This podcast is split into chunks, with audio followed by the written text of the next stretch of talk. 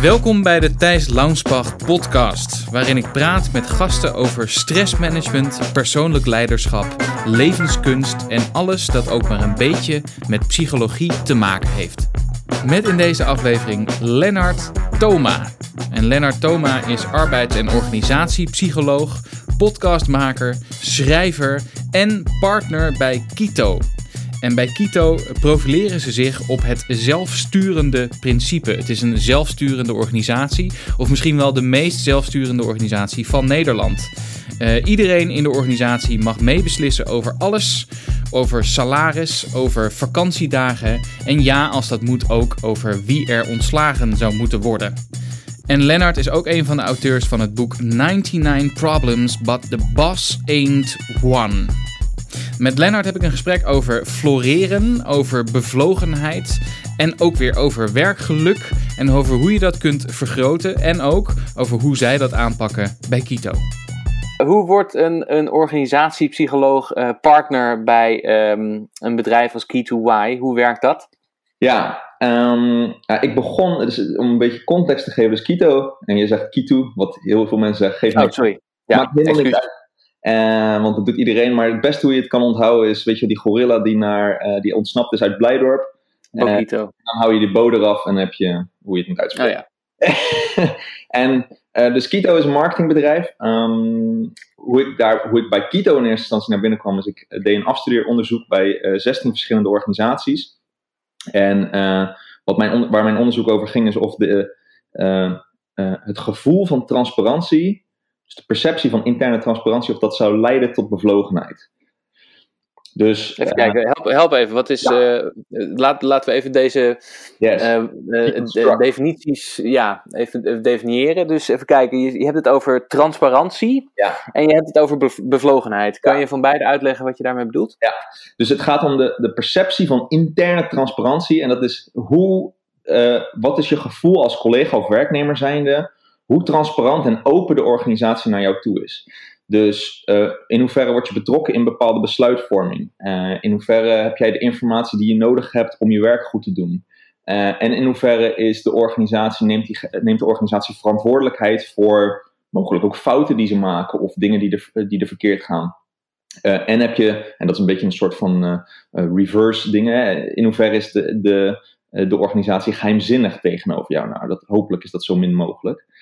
Um, dat, is, dat is hoe jij voelt dat de transparantie is. Dus dat is heel grappig, want het gaat dan niet zozeer om dat de organisatie daadwerkelijk transparant naar je toe is, maar meer dat het gevoel van transparantie naar je goed is. Um, en, en ik ging dus kijken of dat hielp in bevlogenheid. En bevlogenheid is een uh, construct, wetenschappelijk onderzocht uh, construct, uh, wat een, um, een hele positieve en actieve staat behelst. Dus heel veel organisaties die meten werktevredenheid. En mijn professor zei altijd: werktevredenheid meten, dat is het domste wat je kan doen. Want dan, uh, mensen zijn ook heel erg tevreden met hun benen op tafel. Uh, dus dan is dat wel misschien positief, maar niet actief. En je wil positieve en actieve mensen natuurlijk op je werk. Um, dus wat je beter kunt meten is bevlogenheid. Hè, de positieve en actieve staat.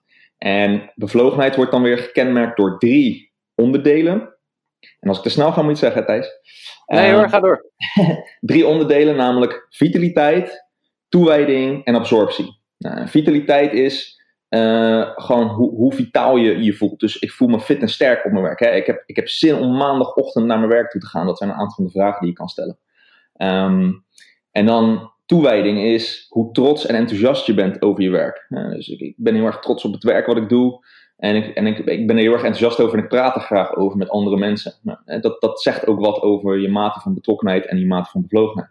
En de laatste is absorptie. En daar heb je het in de vorige podcast ook met uh, Lotte over gehad, hè, over flow. Um, ja, eigenlijk gewoon je flow staat. Dus, dus uh, gaat tijd snel voorbij, ga je helemaal op in je werk. dat onderdeel. Nou, als je die drie dingen in een bepaalde mate hebt, dus vitaliteit, toewijding en absorptie, dan kan je jezelf bevlogen noemen. Um, en uh, bevlogenheid is weer een, iets wat, eh, dat hebben ze onderzocht, dat leidt weer tot superveel positieve, positieve dingen. Mensen zijn creatiever, uh, productiever, kunnen beter samenwerken, uh, de klanttevredenheid stijgt. Hè, klantbevlogenheid zou je dan eigenlijk moeten hebben natuurlijk. Ehm, maar het grappige is, het is ook nog eens aanstekelijk. Dus als ik heel erg enthousiast en bevlogen loop te doen, dan steekt dat andere mensen hopelijk ook aan. En het is zelfs aanstekelijk naar je thuissituatie, naar je partner toe, die misschien heel ergens anders werkt. Dus dat is ook nog eens grappig. Ehm, dat. Dus dat ging ik onderzoeken. Oké, dus even kijken hoor. Dus je zegt ehm, uh, bevlogenheid als term, dat komt eigenlijk uit hoe vitaal je bent, hoezeer je ge, geabsorbeerd bent door je werk, zal ik het maar even noemen, hoezeer je onderdeel bent van je werk, ja. uh, en hoe toegewijd je bent. Ja. Oké. Um, en uh, hoe bracht, want daar, daar heb je dus een scriptie over geschreven, of daar heb je onderzoek naar gedaan. Ja, dus en toen? ja, dus dat deed ik bij 16 verschillende organisaties, van, van groot tot klein. Dus bij Nationale Nederlanden bijvoorbeeld en Schipholgroep. Ik kon ze allemaal een beetje aan me binden, omdat ik zei van ik ga jullie benchmarken. Um, en dat vonden ze wel interessant. En uh, nou ja, een van die uh, kleinere organisaties waar ik het toen ook deed, dat was Kito. En dat was omdat het uh, is een organisatie die, zit in dezelfde plaats als waar ik woon, Maasluis, gekhuis. En um, ja, wij, ik kon daar gewoon naar binnen. Ik kende nog iemand van de voetbal of zo die daar werkte. En nou ja, toen ging ik daar ook mijn onderzoek doen. En aan het eind, nadat ik al was afgestudeerd, toen ging mijn eindconclusie bij alle organisaties ging dan nog een keertje presenteren. En de eindconclusie was dat inderdaad uh, er een kausaal verband was tussen uh, uh, bevlogenheid, of, transparantie en bevlogenheid. Hè? Dus het, het, leidde wel degelijk voor een deel tot, tot bevlogenheid. Dus dat was super gaaf. Uh, en heel veel verschillende organisaties deden het allemaal een beetje anders. Hè. Dus Nationale Nederlanden bijvoorbeeld, mag ik gewoon zeggen, die deden het niet zo heel erg goed. dus um, dat bracht ik dan ook terug. En dat, snapten ze ook allemaal. Um, nou, prima. En het grappige was zelfs dat ze zeiden van, ja, dat wisten we eigenlijk al. dus dat was extra erg. Um, en, en bij Kito, Kito stond in de top 3. En dat frustreerde hier Cedric, de, de oprichter, een beetje dat hij niet op nummer 1 stond. en uh, dus toen vroeg hij aan het eind van mijn presentatie, nou, wat ga je nu hierna doen? Toen zei ik, nou, ik ga werk vinden. En, want ik ben afgestudeerd. toen zei hij, nou, ik heb nog een vacature, misschien vind je het wel interessant. En dat. Dus toen ging ik een beetje over nadenken. En ze waren hier een club met zeven man, marketingbedrijf. Um, en ik vond marketing ook wel interessant altijd. Dus ik dacht, nou ja, misschien heb ik daar wel heel veel ruimte om wat invloed uit te oefenen. En mijn ideeën qua organisatie wel los te laten. En wie weet wat het dat kan brengen. Uh, en uh, zodoende ben ik aangenomen als projectmanager. Ik ben totaal niet gestructureerd, maar ik was de meest gestructureerde van de hele bende. dus ik mocht de projecten managen. Super goed idee. Um, en dus uh, in de tussentijd heel veel geleerd heb van marketing en, en websites maken en dat soort dingen. Um, en ik kon me in de tussentijd bemoeien met de organisatie. En toen is Kito is eigenlijk een beetje uitgegroeid tot ja, een hele bizarre mafketelorganisatie waar wij nu ook voor op het podium uh, worden geroepen. Um, uh, en dat liep zo uit ja, de want je hebt, uh, sorry dat ik je onderbreek, maar je hebt dus in je tijd bij Kito nogal wat organisatie, laten we zeggen, organisatie-interventies heb je ingezet. En dat heeft er ook voor gezorgd dat je bijvoorbeeld in, op de NOS kwam en in het nieuws kwam als bijvoorbeeld Um, voor, voor, wat ik las afgelopen zomer, ging over een, een zelfsturende ontslagronde, bijvoorbeeld. Yep. ja. Kun je, daar iets over, kun je daar iets over vertellen? Ja, ja hoor, dat kan zeker. dus um, ja, afgelopen augustus was niet zo heel erg leuk. um, we, zitten hier, we zijn gegroeid. Toen ik kwam waren er zeven man, nu zijn we met een mannetje of veertig. en we hadden in de zomer, Quito heeft een aantal klanten in het Westland. Er was natuurlijk een enorme hittegolf in Nederland. Um, de Westlandse klanten die hadden wat cashproblemen. Uh, en uh, Quito werkt op een soort abonnementsbasis met die klanten. Dus we krijgen een maandelijks bedrag komt binnen. Uh, hittegolf, cashproblemen, uh, een, een, een leverancier, Kito dus, die werkt op basis van vertrouwen met ze. Dus wat zeiden ze? Nou, ga maar weg. Want we hebben een beetje probleempjes. Dus uh, op een gegeven moment zeiden vier klanten binnen een hele korte tijd zeiden op of verlaagden het maandelijkse bedrag. En toen kwamen op een dinsdagochtend kwamen de collega's bij elkaar om het erover te hebben. En de vraag die werd gesteld van hoe groot is het probleem? En toen kwam iemand die wat meer weet van de financiën, die zei: We kunnen nog maar twee maanden salarissen uitbetalen. En daarna is het gewoon over en uit met de, hele tent. Dus dat was kloten. Um, en uh, toen, ja, toen moesten we wat doen.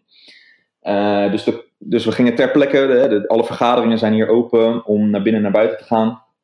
We hebben geen managers, in ieder geen vast management. We hebben wel twee aandeelhouders, maar die hebben evenveel te zeggen als een stagiair. of even weinig, hoe je het wil. Dus het hing van de groep af van wat er nou ging gebeuren. Dus ja, we waren met 16 man en, en, en toen zeiden we, wat gaan we eraan doen? Nou ja, we, hebben, kunnen positieve maatregelen, hè, zoveel, zo snel mogelijk nieuwe sales doen. Maar ja, het is augustus, veel mensen zijn weg. Uh, we hebben maar twee maanden. Als we lang wachten, hebben we misschien nog een groter probleem. Dus uh, hè, gaat het nog sneller. Of moeten we misschien meer negatieve maatregelen doen. Dus laten we maar snel met de negatieve maatregelen starten. En dat is namelijk dat er mensen uit moesten. En we hebben gewoon kosten snijden. En de enige kosten die we naast salarissen hebben is pand en bier. Uh, maar we drinken nou niet zoveel bier dat we dat allemaal kunnen schrappen. En er twee, de, langer kunnen overleven. Dus um, ja, we moesten, we moesten, mensen moesten eruit. En toen hebben ze bedacht dat er. Um, uh, toen gingen ze eigenlijk, zeiden ze, was het een beetje stil. tot op een gegeven moment iemand zei: Nou ja, laten we maar gewoon beginnen dan met een lijst maken. Want we weten het anders ook niet. En laten we elkaar alsjeblieft niet beïnvloeden. Dus iedereen schrijft individueel voor zichzelf namen op een blaadje, op een post-it, whatever. En dan verzamelen we die daarna, want anders beïnvloeden we elkaar straks en dat zou niet eerlijk zijn. Dus uh, mensen gingen toen uh, namen opschrijven. Sommige mensen schreven vijf namen, sommige drie, sommige twee, één. Uh, en, en die gingen ze toen, één, één collega stond op, die verzamelde ze allemaal. En die ging naar het whiteboard toe en die schreef de namen op. Ging turven met hoeveel keer de namen werden genoemd. En toen hadden we een lijst. Um, en toen gingen we ook nog, eh, alles is transparant bij Kito, dus alle, alle salarissen zijn ook transparant. Dus de, de, de, salarissen, de, werk, de werkgeverslasten werden erachter gezet. Tot we het bedrag hadden wat we moesten besparen uh, per maand. Uh, dat waren vijf namen die erop stonden. Uh, en toen zijn er nog twee vergaderingen overheen gegaan. Uh, maar toen is, toch de, is de groep tot de conclusie gekomen dat, uh, dat die vijf het inderdaad zouden moeten worden en eruit moesten. Dus binnen, binnen anderhalve dag was het een done deal. En uh, de collega's die eruit moesten, die vijf, die gingen ook gelijk akkoord. Want ja, ze, zaten, ze deden mee in het besluitvormingsproces en ze snapten het. Het was niet leuk, maar ze snapten het. En aan het eind van de week waren alle wederzijds goedkeuren tot beëindiging contract getekend. En ehm, de maandag daarna ging iedereen weer aan het werk alsof er niks aan de hand was. Dat was een beetje, dat was echt heel bijzonder. Dus ja, dat. That's how it went. Oké. Oké, en eh, begrijp ik dan ook nog, want je hebt me dat wel eens verteld, dat um, zowel de directeur van Keto uh, als jij ook min of meer zijn ontslagen op dat moment? Ja, dat klopt. Uh, wij stonden op nummer 6 en 7, of eigenlijk werden wij gewoon ook op de lijst gezet als A. Uh, ja, ik, ik was samen met uh, een van de oprichters, Cedric, was ik dus um, bezig om een nieuwe tak te starten. Ik werd namelijk daarvoor best wel veel gevraagd om uh, bij andere organisaties te doen wat ik hier bij Kito had gedaan. Um, nou, dat deed ik dan vanuit Kito, dat was allemaal prima, maar ik overwoekerde een beetje in mijn marketing en mijn werk eigenlijk de rest van Kito. Uh, dus uh, we hadden een beetje het idee om dat los te splitsen. Uh, en Cedric en ik waren daar net een paar maandjes soort van langzaam aan mee bezig om dat op te starten. En nu zei de groep tegen ons, ja het is leuk dat jullie rustig aan het opstarten zijn, maar jullie kosten wat. Dus nu tijd om te gaan. dus wij moesten heel snel die BV opstarten en um, zorgen dat we met de kosten eruit waren. Dus ja, wij stonden eigenlijk soort ook op de lijst. dus wij werden er ook uit geknikkerd. Waaronder de oprichter dus van, waaronder de oprichter dus van Kito zelf, Cedric. Dus dat, dus dat was, uh, ja, interessant. Nou, het lijkt, lijkt me een, een puik voorbeeld van hoe zelfsturing, um, nou ja, hoe dat ook betekent dat, dat je als, uh, als oprichter of als uh, directeur um, je, je daar ook aan over moet geven. En dat dat de enige manier, denk ik, is waarop het werkt, lijkt me. Ja. Ja, is super knap van Cedric. Hè? Dus echt wel, hè, dus even belangrijk om erbij te zeggen, is dat het heel erg knap is van hem dat hij heel erg veel controle heeft losgelaten en um, uh, dat ook heeft, zo heeft toegestaan. Hè? Want dat, dat, dat vergt nogal wat. En hij is ook gewoon een controlfreak en een perfectionist eigenlijk.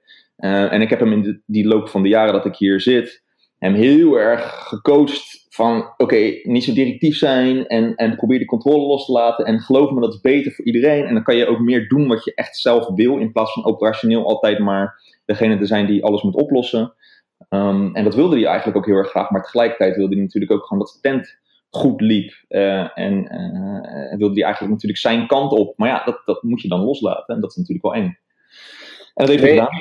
Ben je nooit bang ehm, dat er. Ik kan me voorstellen dat dat. de, zulke soort maatregelen zorgen ervoor dat het democratisch gehalte in een bedrijf omhoog gaat. En dat mensen meer ownership hebben uh, over dat soort. Ook, ook over dit soort dingen. En dat is dan weer heel positief, denk ik, voor de sfeer. Um, maar advocaat van de duivel spelen zou je natuurlijk ook kunnen zeggen: het, het, het heeft ook um, het risico van groupthink in zich. Als, je maar, als je maar de groep, zonder dat je daar enige controle op uitoefent, één kant op laat gaan, dan uh, krijg je niet altijd de beste beslissingen misschien. Klopt, um, maar daarom is het ook belangrijk dat je een redelijk uh, heterogene groep blijft hebben, uh, blijft houden. Uh, en wat collega's doen, hè, collega's nemen je collega's aan, die, die zijn ook soms specifiek op zoek naar iemand die anders is. Dus dat is wel interessant. Uh, ook omdat ze weten dat ze, als ze allemaal inderdaad hetzelfde zijn, dat is ook niet altijd goed. En, maar tegelijkertijd, hè, groupthink is wel een interessant concept natuurlijk. Uh, ik weet ook dat er wat wetenschappelijk materiaal is wat het zegt dat groupthink misschien iets te overschat wordt. Want als je een volledig heterogene groep hebt, is het ook weer niet goed. Uh, want dan heb je heel veel communicatie, uh, heel veel miscommunicatie, omdat heel veel mensen niet op één lijn zitten. Uh, dus het is wel handig dat je toch wel een beetje in dezelfde richting opkijkt. Um, het hoeft niet exact hetzelfde, maar wel een beetje hetzelfde. Oké.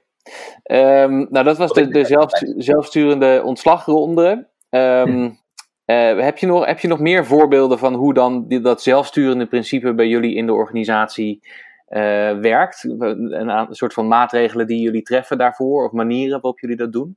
Ja, dus wij um, hebben. Uh, de besluitvorming is hier helemaal open voor iedereen. als je natuurlijk zegt dat je geen managers hebt, ehm, dan wie, wie, wie hakt dan uiteindelijk de knoop door? Nou, dat kan bij ons dus iedereen zijn. Uh, en daar gebruiken wij een bepaald uh, besluitvormingsproces voor. Dat noemen we het adviesproces. En dat gaat als volgt. Iedereen mag een elk besluit maken over alles in de hele organisatie. Je bent alleen verplicht om advies te vragen aan de mensen die beïnvloed worden door je keuze. Volg je hem? Ja, ik volg hem. Ja, ja. en, en, dus dat betekent uh, dat, uh, en het, het, in ieder geval, hey, je, je, vraagt dus advies aan de mensen die dus beïnvloed worden uh, door die keuze van jou. Um, en het grappige is, je hoeft niks met het advies te doen. Je moet er alleen volwassen mee omgaan. Dus je ze, hebben een raadgevend, ze hebben het recht om raad te geven, dus. Ja, of, ze, moeten, ze moeten een soort van, het is een niet geschreven regel, maar een ongeschreven regel. Dus je bent verplicht echt om dat advies te vragen. Um, maar je hoeft er niks mee te doen. Dus je vraagt het op. Hè? Dus het is niet alsof mensen dat dan zomaar aankomen brengen. Je vraagt het zelf op. Um, en dan ga je er volwassen mee om. Wat kan betekenen dat je zegt: Nou ja, leuk advies jongens, maar ik ga toch het andere doen. Wat ik in mijn hoofd had. Alleen jij bent dan volledig verantwoordelijk om dat dan uit te voeren. Hè? Er is niemand per se die je gaat helpen. Uh, tenzij je mensen weet te overtuigen om daarin mee te gaan. Um, en je kan niks opleggen aan iemand anders.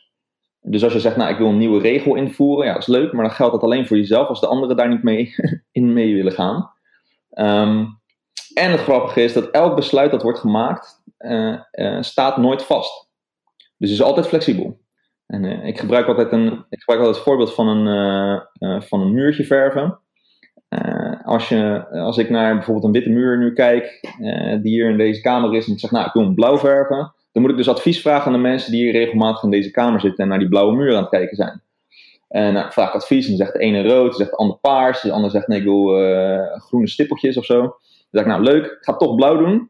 Maar dan moet ik uh, de kwast oppakken, of ik moet een schilder inhuren, of ik moet delegeren, of wat dan ook. En als de verf op de grond valt, ik ben verantwoordelijk, dus ik moet het opruimen.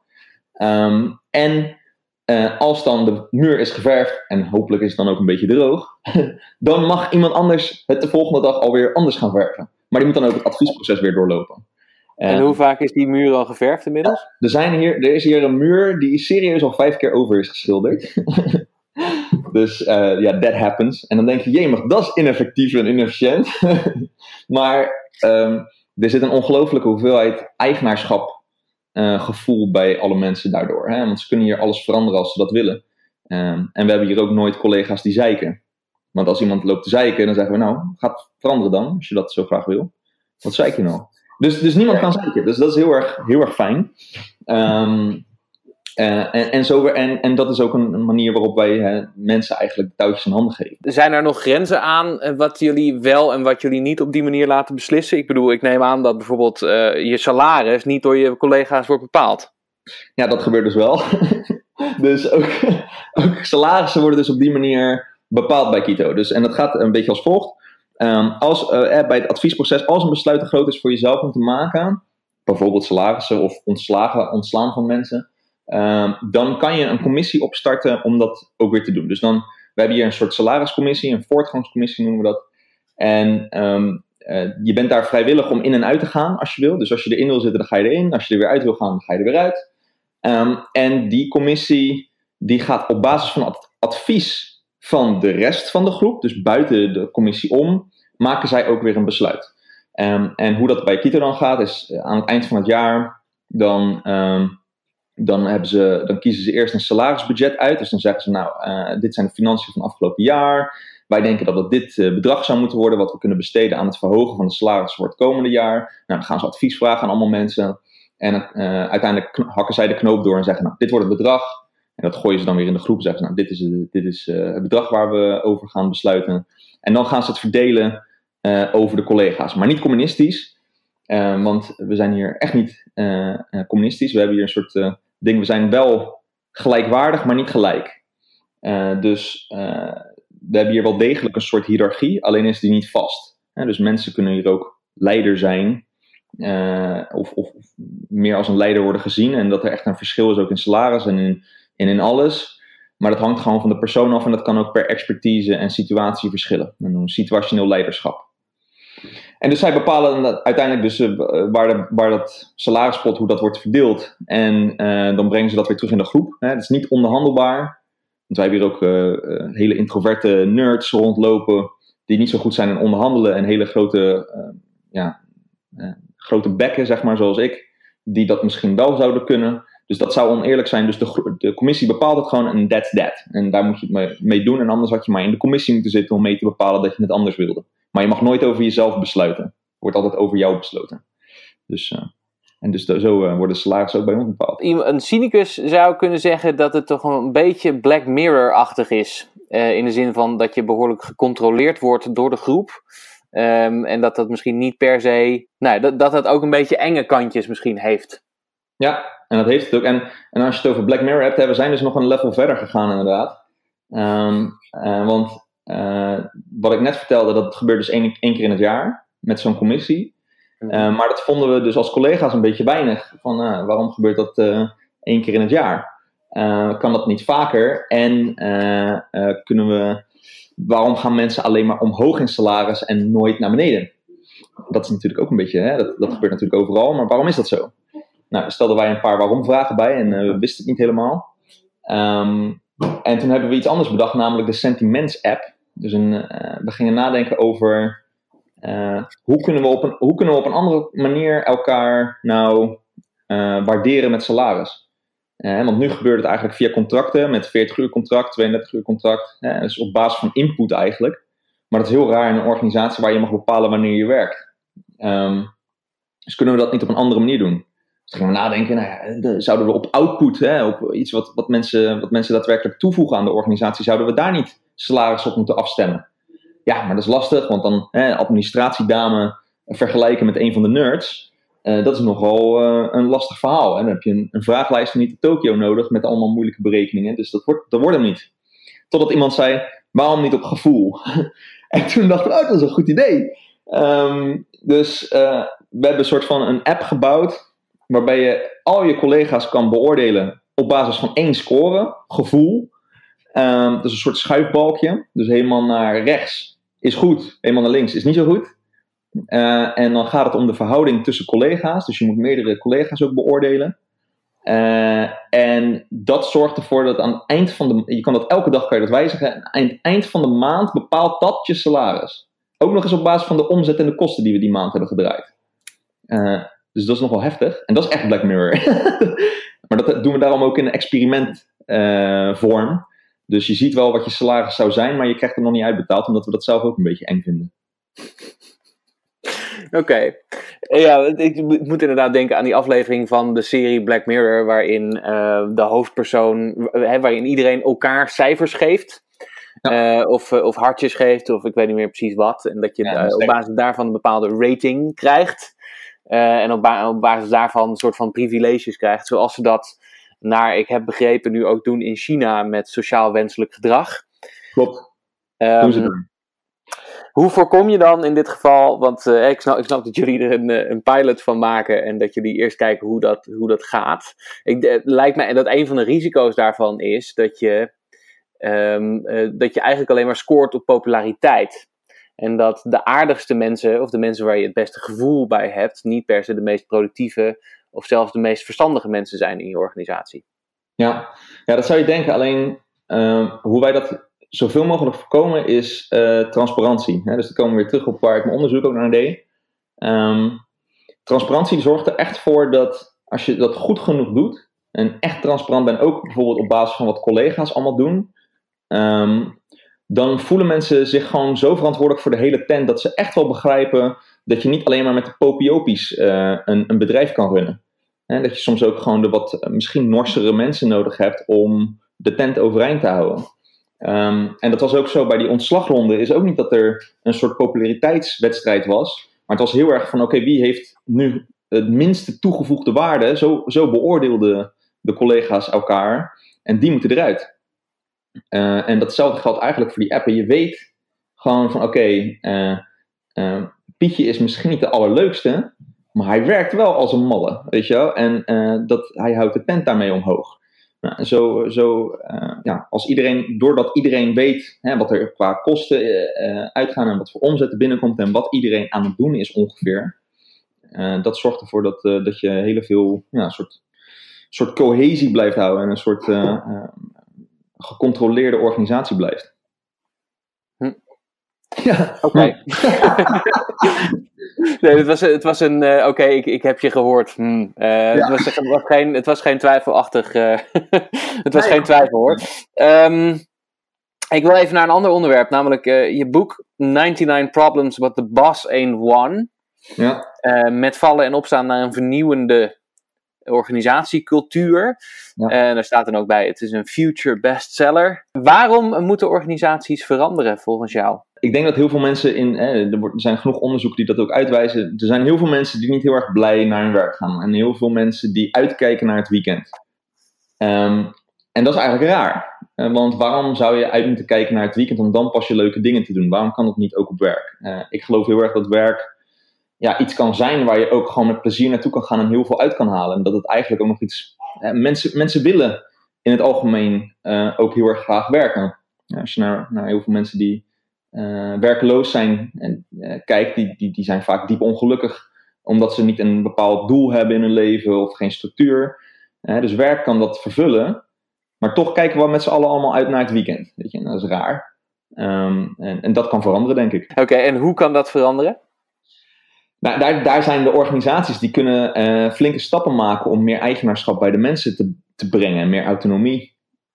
Uh, en, en, daarvoor te zorgen. Hè, dat, als je kijkt dus ook wederom weer naar bevlogenheid. Hoe krijg je mensen gemotiveerd en bevlogen? Is door veel autonomie te bieden, een gevoel van eigenaarschap, uh, heel veel sociale steun. Nou, dat zijn dingen die organisaties in principe gewoon kunnen bieden, maar het niet doen. en de reden dat ze het niet doen is omdat ze bepaalde controle willen houden. of, of, of regels willen opleggen omdat ze bang zijn dat het anders de verkeerde kant op gaat. Ehm, maar je moet wat mij betreft gewoon wat meer vertrouwen in je mensen hebben. Uh, uh, en dan komt het vanzelf wel goed. Uh, alleen ja, die stap durven nemen, dat is best wel heftig. daar help ik ook dus daarom ook organisaties bij, omdat ze dat vaak niet alleen kunnen. Maar dat, ik denk dat heel veel organisaties dat gewoon zouden kunnen. Met een beetje hulp misschien. Um, maar dat voor alle werknemers heel veel doet. En dat mensen veel blijer en veel gemotiveerder uh, naar hun werk toe gaan. En werk ook gaan zien als: hey, hier heb ik nou echt zin in. Weet je, dit is, dit is mijn ding. Yeah, weet je, let's go. Dat, dat zou fijn zijn. Oké. En stel nou dat er, um, dat er mensen luisteren nu die um, hoog in een bedrijf zitten. Of misschien wel eigenaar zijn van een, van een bedrijf. En die denken: Nou, ik hoef nog niet gelijk helemaal aan de uh, zelfsturende ontslag dan wel uh, sollicitatierondes ehm, of de sentiments-apps. Wat, zijn nou, uh, wat zou nou een kleine manier zijn, of een, of een, of een low investment manier, zou ik het zo maar even zeggen, om toch wat van dat, van dat eigenaarschap te vergroten? Ja, ja. ja en, goed om erbij te zeggen nog is dat andere bedrijven absoluut niet zoals Kito zouden moeten zijn. En dat is gelijk ook je eerste stap, is vraag eens aan je collega's wat zij willen. dus het zou voor elke organisatie, en daarom ben ik ook een beetje, eh, een beetje tegen zelfsturing, het woordje zelf. Um, omdat mensen denken dat is één soort model of zo, of dat is één manier. Maar het, het, verschilt juist per organisatie. Sommige organisaties zijn er veel beter bij gebaat, sommige mensen zijn er veel beter bij gebaat om structuur en veel regels om hen heen te hebben voor de duidelijkheid. Maar andere mensen kunnen daar totaal niet tegen. En ik denk dat je juist iets moet bieden wat voor alle mensen goed zou zijn. Dus vraag eens aan je werknemers of je collega's, wat, kan, wat kunnen we doen om ervoor te zorgen dat jij je werk leuker vindt? Of uh, met meer plezier naar je werk toe gaat? Of dat je je werk ook nog eens beter kunt doen, zonder restricties misschien, weet je wel? En haal die restricties weg. Nou, dat is misschien wel lastig. Um, wil je een andere manier, is bijvoorbeeld door toch de transparantie te bieden en een beetje wat inzicht te geven in wat financiële cijfers of iets waar de collega's um, van kunnen zien: hey, dit heb ik gedaan. Uh, dit is mijn steentje, uh, zo kan ik mijn steentje bijdragen aan het geheel en dit is mijn invloed. Um, en dat is wel best wel een aardige stap. Hè? Dat geeft ook wat vertrouwen als je wat open bent over, je, over hoe het gaat met de organisatie. Ook, ook als het slecht gaat, vooral dat. Dat je ook durft te zeggen van nou jongens, het gaat wat minder. dat komt denk ik hier en hier en hier door. En wat kunnen we er met z'n allen aan doen? Het geeft al een, gevoel van binding en betrokkenheid. Dus dat zijn een paar kleine stapjes. Um, ander ding wat je kan doen, dat vind ik een hele leuke, is um, uh, bij de, de, regels of de structuren of de processen die je hebt in je organisatie een aantal keer waarom vragen stellen. Dus dat waarom je, vragen? Ja, dus wij, eh, wij doen ook regelmatig uh, waarom, waarom, waarom sessies hier zo. Um, en dat gaat als volgt. Uh, er zitten een grote groep collega's die zitten dan bij elkaar. En dan moeten ze in eerste instantie mogen ze van alles en nog wat opschrijven waar zij vraagtekens bij willen zetten. Dus de dingen hoe we het hier hebben geregeld, mogen ze vraagtekens bij zetten. Nou, dan worden die allemaal op het bord gezet en dan mogen mensen een aantal streepjes zetten bij, de, bij de onderwerpen die zij het meest interessant vinden. Nou, dan komen er drie onderwerpen uit, die gaan we dan behandelen in een sessie van een uur of anderhalf uur. Uh, en wat we dan doen is, oké, dan komt het eerste onderwerp. Het zou bijvoorbeeld kunnen zijn, in heel veel organisaties, waarom uh, uh, moeten we om negen uur hier zijn? En waarom beginnen we om negen uur? Nou, en, en, dan mag iemand in de groep, en dat kan ook de leidinggevende zijn, die mag daar dan antwoord op geven waarom dat is. En als die een antwoord geeft, dan komt er een tweede waarom vraag op en daarna een derde. Dus de eerste, waarom om negen uur? En dan kan diegene zeggen, nou, dan zijn we er allemaal tegelijk en dat zou goed zijn voor het samenwerken bijvoorbeeld. Ik kan me zoiets voorstellen. En dan is de tweede waarom, waarom vraag je, maar waarom dan om 9 uur? Ja, waarom die 10 uur? Nou, dan wordt het dan moeilijk, weet je. Want dan gaat de leidinggevende of degene die dat heeft bedacht, die gaat dan een beetje zweten waarschijnlijk. En dan denk ik van ja, dat weet ik eigenlijk niet. Um, nou, misschien komt hij met een antwoord. En dan kan je nog een keer waarom vraag stellen. En dan weten ze het vaak helemaal niet meer. En dan kan je zeggen, nou, als, je het, nu niet, als het niet bijdraagt aan uh, klanten beter helpen of uh, collega's blijer maken. Hè, dat zijn een beetje de twee hoofdongeschreven regels hier bij Kito ook. Hè, blije klanten, blije collega's dan kan je het beste schrappen of vervangen met iets beters.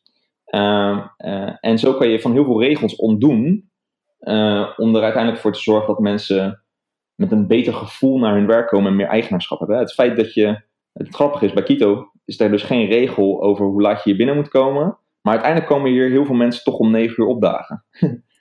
En waarom? Omdat de klanten ook tussen 9 en 5 ongeveer werken en ze dat een logische tijd vinden. De, de zon is op en je denkt, nou, werktijd. Nou, en dus gaan mensen naar werk. Maar het gevoel erbij is natuurlijk tien keer anders. Want ze hebben het gevoel van, hé, hey, ik heb zelf besloten dat ik hier om 9 uur ben. Uh, en dat wordt niet mij opgelegd door een baas. Of uh, door een of andere organisatie die dat vindt. Uh, en het is mijn beslissing, dus ik voel me al lekkerder. En nou, dat is fijn. En in theorie kun je natuurlijk ook gewoon werken tussen 8 uur s avonds en 4 uur s'nachts, als je zou willen. Ja, en dat gebeurt ook soms. Hè. Dus we hebben hier, wat ik zei, een aantal van de nerds. Ja, die, die, die, die gedijen beter in een donkere omgeving, want dan is het contrast met het beeldscherm hoger. dus dus die, die, die vampires die gaan hier soms gewoon tot uh, twee uur s'nachts door. Uh, dus ja, dat is prima. En dan slapen ze de volgende dag uit tot uh, 12 uur. Nou, niemand die dat erg vindt, want ze hebben hun werk gedaan. Dus ja, dat. Top. Een andere vraag. Ehm, ik ben nu eh, bezig met uh, wat research rond, rond een boek over millennials en hoe je die nou het beste kunt aansturen. Ja. En nou zit ik dat een beetje, daar wil ik graag je, je, je, mening over weten, of een aantal dingen die, die, die jij daarover weet. Maar ik zit daar nu wel een beetje over na te denken dat het. Ik zou twee dingen kunnen voorstellen. Ik zou kunnen voorstellen dat juist millennials dus flink gedijen bij dit soort um, ownership-gerichte vormen van organisaties. Um, aan de andere kant wordt er ook nog wel eens over deze groep gezegd dat ze um, eigenlijk niet zo zelfsturend zijn. Um, en het ook vaak wel lastig vinden om zelf beslissingen te nemen of niet bij het handje genomen te worden. Wat, wat, ja. is, jou, wat is jouw idee daarvan? Een verschil per persoon. wat een lekker een dooddoener is. Maar uh, ik denk dat um, uh, de, dat het veel aanlokkelijker is dat je, dat je het gevoel hebt dat je invloed kan uitoefenen. Hè? Dus, dus uh, wat mij betreft zit het heel erg op die perceptie wederom en niet zozeer op het daadwerkelijke doen. Dus uh, dat betekent dat millennials het heel erg fijn, denk ik, vinden om te weten dat ze invloed kunnen uitoefenen, maar als ze er eenmaal zitten, het waarschijnlijk niet eens zoveel doen. Um, en dan dus ook een beetje aan het handje meegenomen moeten worden. Dus uh, hoe dat bij Kito ook gaat, is. Uh, wederom, ik zei, we hebben niet echt. We hebben wel hiërarchie, we zijn niet per se een platte organisatie. Dus dat betekent, er zijn hier ook echt wel leiders. En dat zijn ook degenen die nieuwelingen en vaak ook jonge mensen die hier komen, toch wel begeleiden maar tegelijkertijd zeggen, hey, heb je een idee? Dan mag je altijd dat opperen. Dan gaan we er wat mee doen. Of dan mag je er zelf wat mee doen. Dan moet je het adviesproces weer volgen. En dan komt het goed. En dat, en dat geeft hun het gevoel van, wow, ik word aan de ene kant krijg ik wel de duidelijkheid van bovenaf, soort van. Van hey, uh, wat kan ik allemaal doen en welke richting moet ik op? Maar tegelijkertijd hebben ze ook, uh, uh, voelen ze zich ook dat ze de, de mogelijkheid hebben om inspraak te hebben. En dat voelt heel erg fijn voor ze, weet je. Want dat hebben, dat, je wilt toch impact maken als millennial. Hè? Je wilt toch een steentje bijdragen en niet een nummertje zijn in het grote geheel. dus als je dan invloed mag uitoefenen en je hebt die vrijheid daartoe, ja, dat is lekker. En dan voel je, dan voel je meer waard. En dan, ik denk dat dat uh, millennials heel erg veel helpt. Hè? Organisatiecontexten waar ze dat kunnen doen, maar tegelijkertijd duidelijkheid krijgen. Wat um, dus dat zijn, ja, nou ja, ik, dat, uh, het feit dat je iemand moet hebben ook als leider van zo'n, van zo'n groep of van jonge mensen binnen je organisatie, die niet alleen kan vertellen hoe het moet, maar dat ook kan laten zien.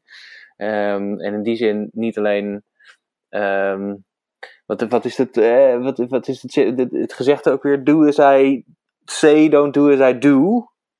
Nou, dat hm. werkt dus niet zo goed volgens mij. Hm. Dus ik kan me voorstellen dat dan dat, dat de goede van die mensen die je omschrijft, de goede van die leiders, ook echt een rolmodel kunnen zijn voor de mensen die dan beginnen in zo'n organisatie. Klopt dat? Zeker. En ze, en ze moeten dus heel erg coachend leiderschap tonen. Dus ze de nieuwelingen ook stimuleren om hun ideeën te uiten.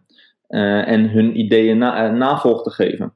Um, uh, en en dat, dat is echt een hele andere soort leider. Hè? Dus het is niet alleen maar, oké, oh je bent een nieuweling, oké, ga maar hier achter deze, dit bureau zitten, ga maar dit en dit doen. Dan kom ik over uh, vijf uur kom ik bij je terug om te kijken of je het gedaan hebt.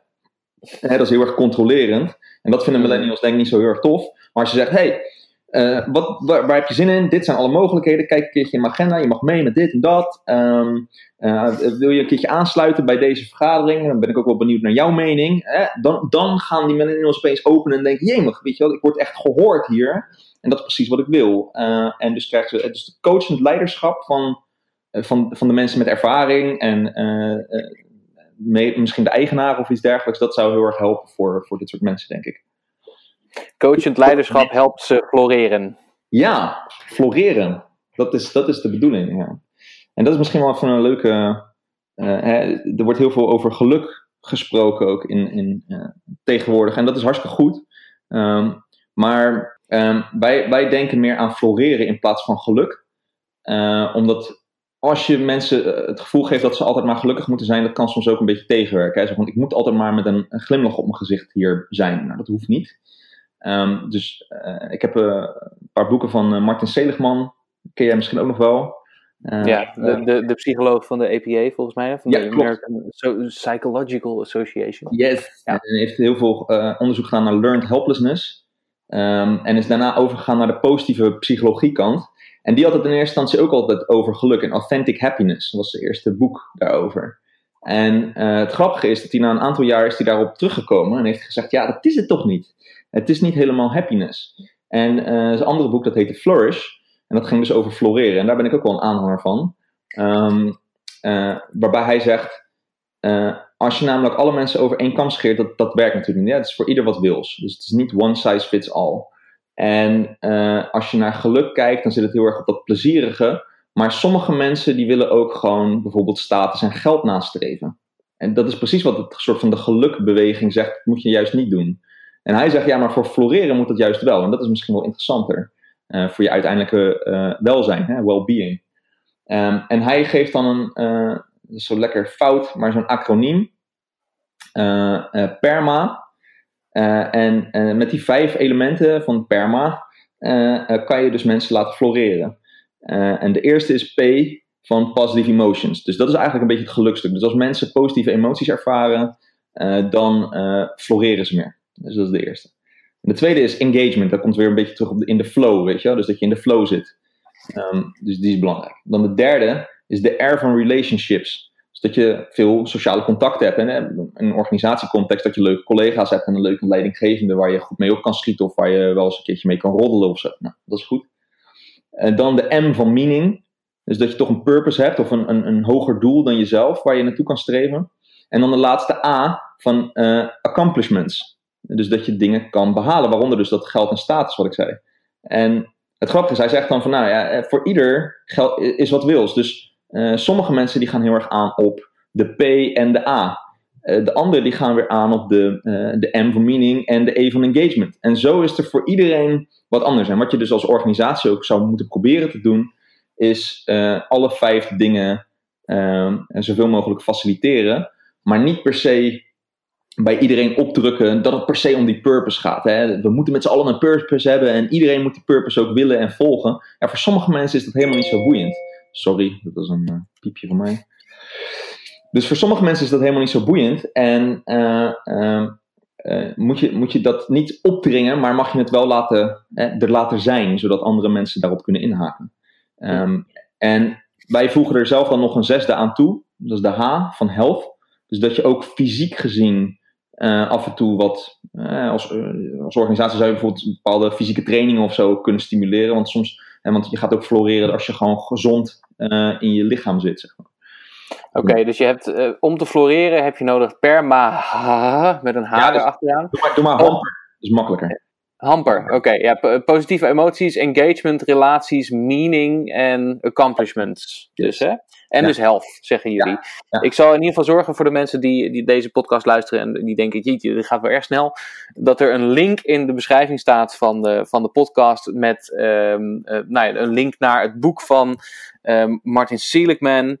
Uh, en ook sowieso natuurlijk naar, naar jouw boek uh, en naar de website van Keto. Keto. Jongen, ik zit nu echt, terwijl jij aan het luisteren, aan het praten bent, zit ik te denken, oh, keto, keto, keto. En dan zeg ik dat ook nog fout, weet je wel. Dat is dus, Sleutelteen. Werkt goed. Ja. ja, precies. Oké. Okay. Um, wanneer gaat het mis met die, met die maffe millennials?